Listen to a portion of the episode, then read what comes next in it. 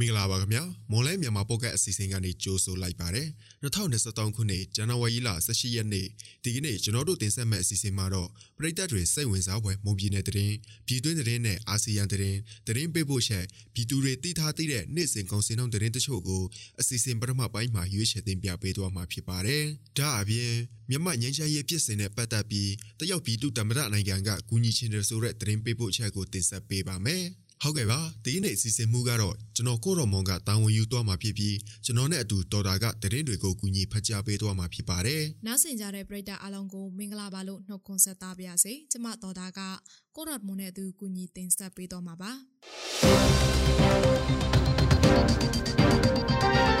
။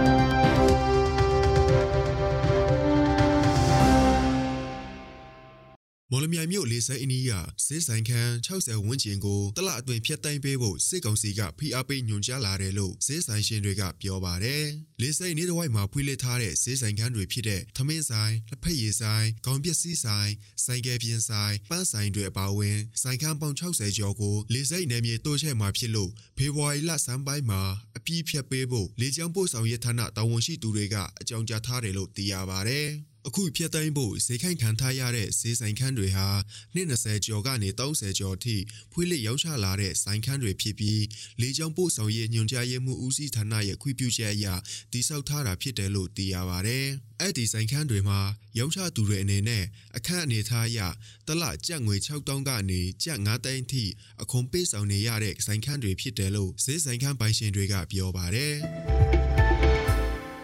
နစ်တာရီတိုင်းဒေသကြီးထဝဲခရိုင်လောင်းလုံမြို့နယ်တကြက်တော်နယ်မြေရဲစခန်းကိုလောင်းလုံမြို့နယ်ပြည်သူ့ကာကွယ်ရေးပူးပေါင်းတပ်ဖွဲ့တွေကမိရှို့ဖျက်ဆီးလိုက်တယ်လို့ဒေသခံတွေကဆိုပါတယ်။တကြက်တော်ရဲစခန်းကိုညတကောင်ရချိန်မှာပြည်သူ့ကာကွယ်ရေးတပ်ဖွဲ့ PDF တို့က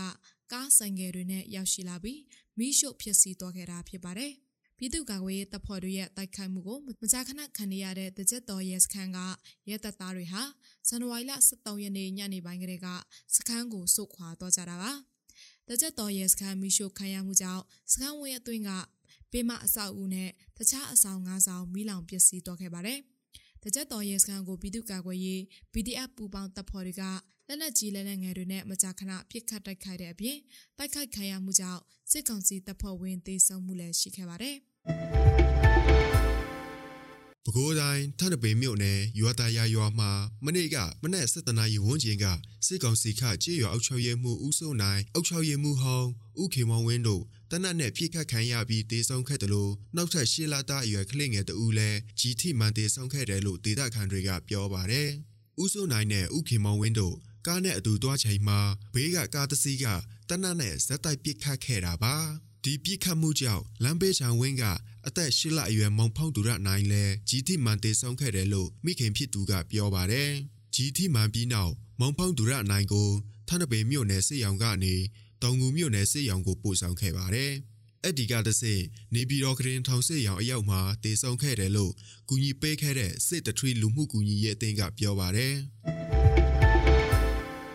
ရန်ကုန်တိုင်းကြောက်တရားမြို့နယ်တရက်ကွက်စူးလေဖျားလန်းနဲ့ ဗိုလ်ချုပ်လန်တောက်မှာပြီးခဲ့တဲ့ရက်ပိုင်းကဂျပန်နိုင်ငံသား2ဦးဓာတ်ထိုးလူရက်ခံလိုက်ရတယ်လို့ဒေသခံတွေကပြောပါတယ်။ဖုန်းနဲ့ပတ်စံတချို့လူရက်ခံလိုက်ရတဲ့အပြင်အသက်50အရွယ်ဂျပန်နိုင်ငံသား2ဦးထိခိုက်ဒဏ်ရာရခဲ့တယ်လို့ဒေသခံတို့ကပြောပါတယ်။ဂျပန်နိုင်ငံသား2ဦးနဲ့ပတ်သက်လို့အသေးစိတ်အချက်အလက်တွေကိုတော့မသိရသေးပါဘူး။ဆက်အနာသိမ်းပြီးနောက်နိုင်ငံတော်မှာဓမြတိုက်တာခိုးဆိုးလူရက်တာတွေများလာပါတယ်။ လုံခြုံရေးကဏ္ဍကျွမ်းကျင်သူတွေကတော့စစ်အာဏာသိမ်းပြီးနောက်အယက်သားတွေရဲ့အသက်အိုးအိမ်လုံခြုံမှုဟာစိုးရိမ်စရာအခြေအနေတွေဖြစ်လာတယ်လို့လည်းထောက်ပြထားကြပါတယ်။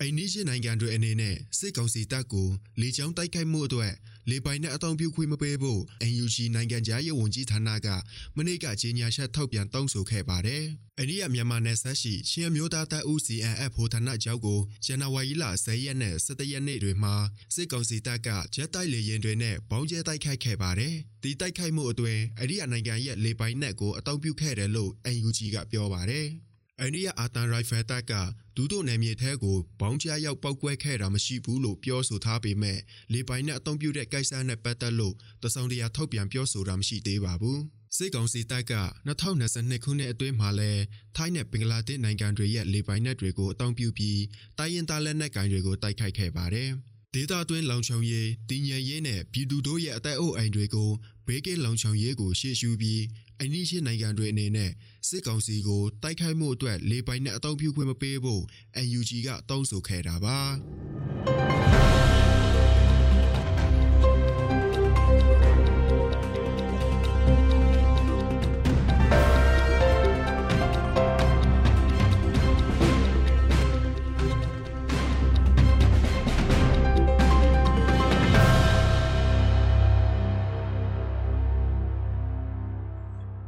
ဆက်လက်ပြီးပြည်သူတွေတိထားသည့်တဲ့နှစ်စဉ်ကုန်စည်နှုန်းတရင်တချို့ကိုမော်လမြိုင်ကောင်စီတိုင်းကအချက်လက်တွေကိုအခြေခံပြီးကျွန်တော်ကိုရော်မွန်ကတင်ဆက်ပေးပါအောင်မယ်။ဒီကနေ့ထိုင်းနဲ့မြန်မာငွေလဲနှောင်းကတော့ထိုင်းဘတ်85ဒရမ3.5ဝယ်ဈေးရှိပြီးတော့ရောင်းဈေးကတော့86ဒရမ35ရှိနေပါတယ်။ဒေါ်လာဈေးကတော့အမေရိကန်ဒေါ်လာကိုဝယ်ဈေးမြန်မာငွေ2830ရှိပြီးရောင်းဈေးကတော့2850ရှိပါတယ်။ရွှေဈေးနှောင်းကတော့ မီလင်း16ပဲရဲ့တကြက်သားကိုရန်ကုန်ရွှေအသင်းဒီကနေ့ဈေးကွက်မှာ22သိန်းဝန်းကျင်ရှိနေပြီးအပြင်ပေါက်ဈေးမှာတော့29သိန်းအထက်ရှိနေပါတယ်။73စီတွေကတော့ဒီဇယ်တလီတာကို2485ကျပ်အောက်တိုင်း62တလီတာကို2205နဲ့65တလီတာကို2285ထိရှိနေတာပါ။စံစင်းနှုန်းတွေကတော့ အကောင်စားပေါ်ဆံမှု108ပေါင်အမြင့်ဆုံးကို9800ကျပ်အလဲလက်တန်းစာမျိုးစားပေါ့ကျွဲ108ပေါင်အနိုင်ဆုံးကို4900ကျပ်နဲ့အမထဆန်တွေကတော့108ပေါင်အနိုင်ဆုံးကို42,500နဲ့အမြင့်ဆုံးကို44,500ထိရှိနေပါတယ်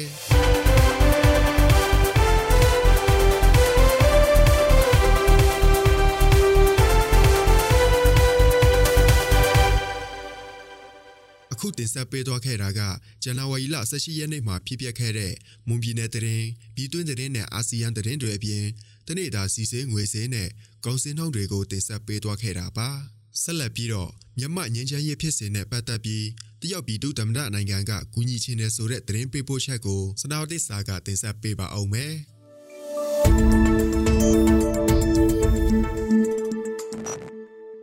မြမငင်းချမ်းရေးဖြစ်စဉ်နဲ့ပတ်သက်ပြီးတယောက်မှအကူအညီချင်တယ်လို့မိမိကိုပြောလာကြောင်းရခိုင်ဥဆောင်ပါတီ AFP ဥက္ကဋ္ဌ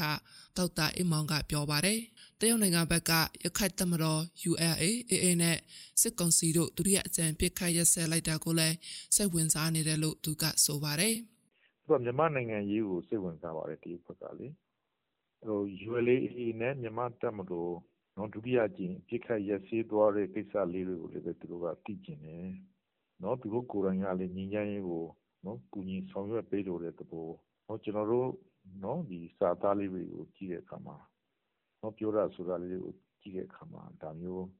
သုံးသပ်တာပေါ့နော်တရုတ်ဒီဖက်ကနော်ငြိမ်းချမ်းရေးဖြစ်စဉ်ကိုကူညီနေတယ် ULA AA နဲ့မြန်မာတပ်မတော်နောက်နော်မြောက်ပိုင်းလေးပါမှာပို့ပြ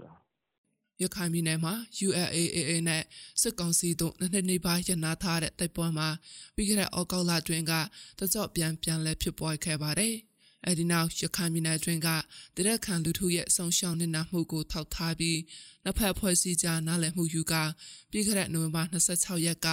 တိုက်ပွဲတွေပြန်လဲရက်စဲကြောင်းသဘောတူညီမှုယူခဲ့ကြပါတယ်။ တရုတ်နိုင်ငံဟာသူတို့ရဲ့အကျိုးစီးပွားအတွက်မြန်မာနိုင်ငံကိုငြိမ်းချမ်းစေချင်တာဟာအမှန်တရားဖြစ်တယ်လို့မြန်မာနိုင်ငံရေးလှစ်လက်တောင်းတသူတောက်တာအောင်မျိုးကပြောပါတယ်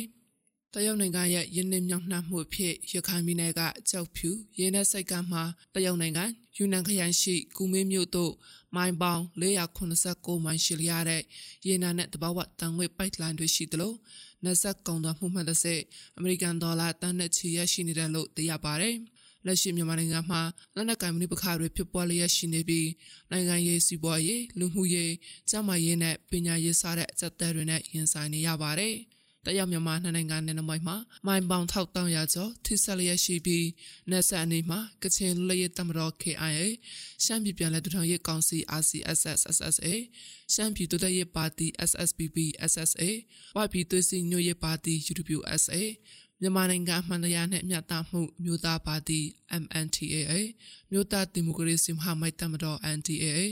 ပလောင်ပြည်လူမျိုးရေးတပ်ဦး PSLF-TNA စတဲ့လက်နက်ကိုင်ဖွဲ့စည်းတွေလှုပ်ရှားလျက်ရှိပါတယ်ရှင်